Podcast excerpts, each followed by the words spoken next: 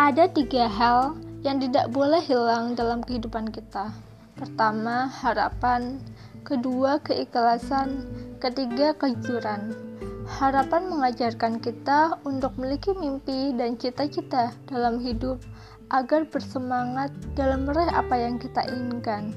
Tentunya dengan senantiasa melibatkan Allah Subhanahu wa taala dan ridhonya orang tua.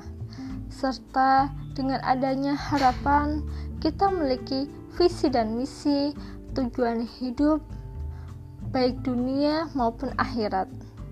Keikhlasan mengajarkan kita dalam menjalankan segala sesuatu dengan penuh cinta, kesabaran, serta ketulusan. Kejujuran mengajarkan kita di mana pun berada, terapkan perkataan yang benar, perkataan apa adanya, dan sesuai fakta. Selamat merenungkan, dan semoga kita semakin bijak dalam menjalankan amanah dan hidup kita menuju arah yang lebih baik. thank you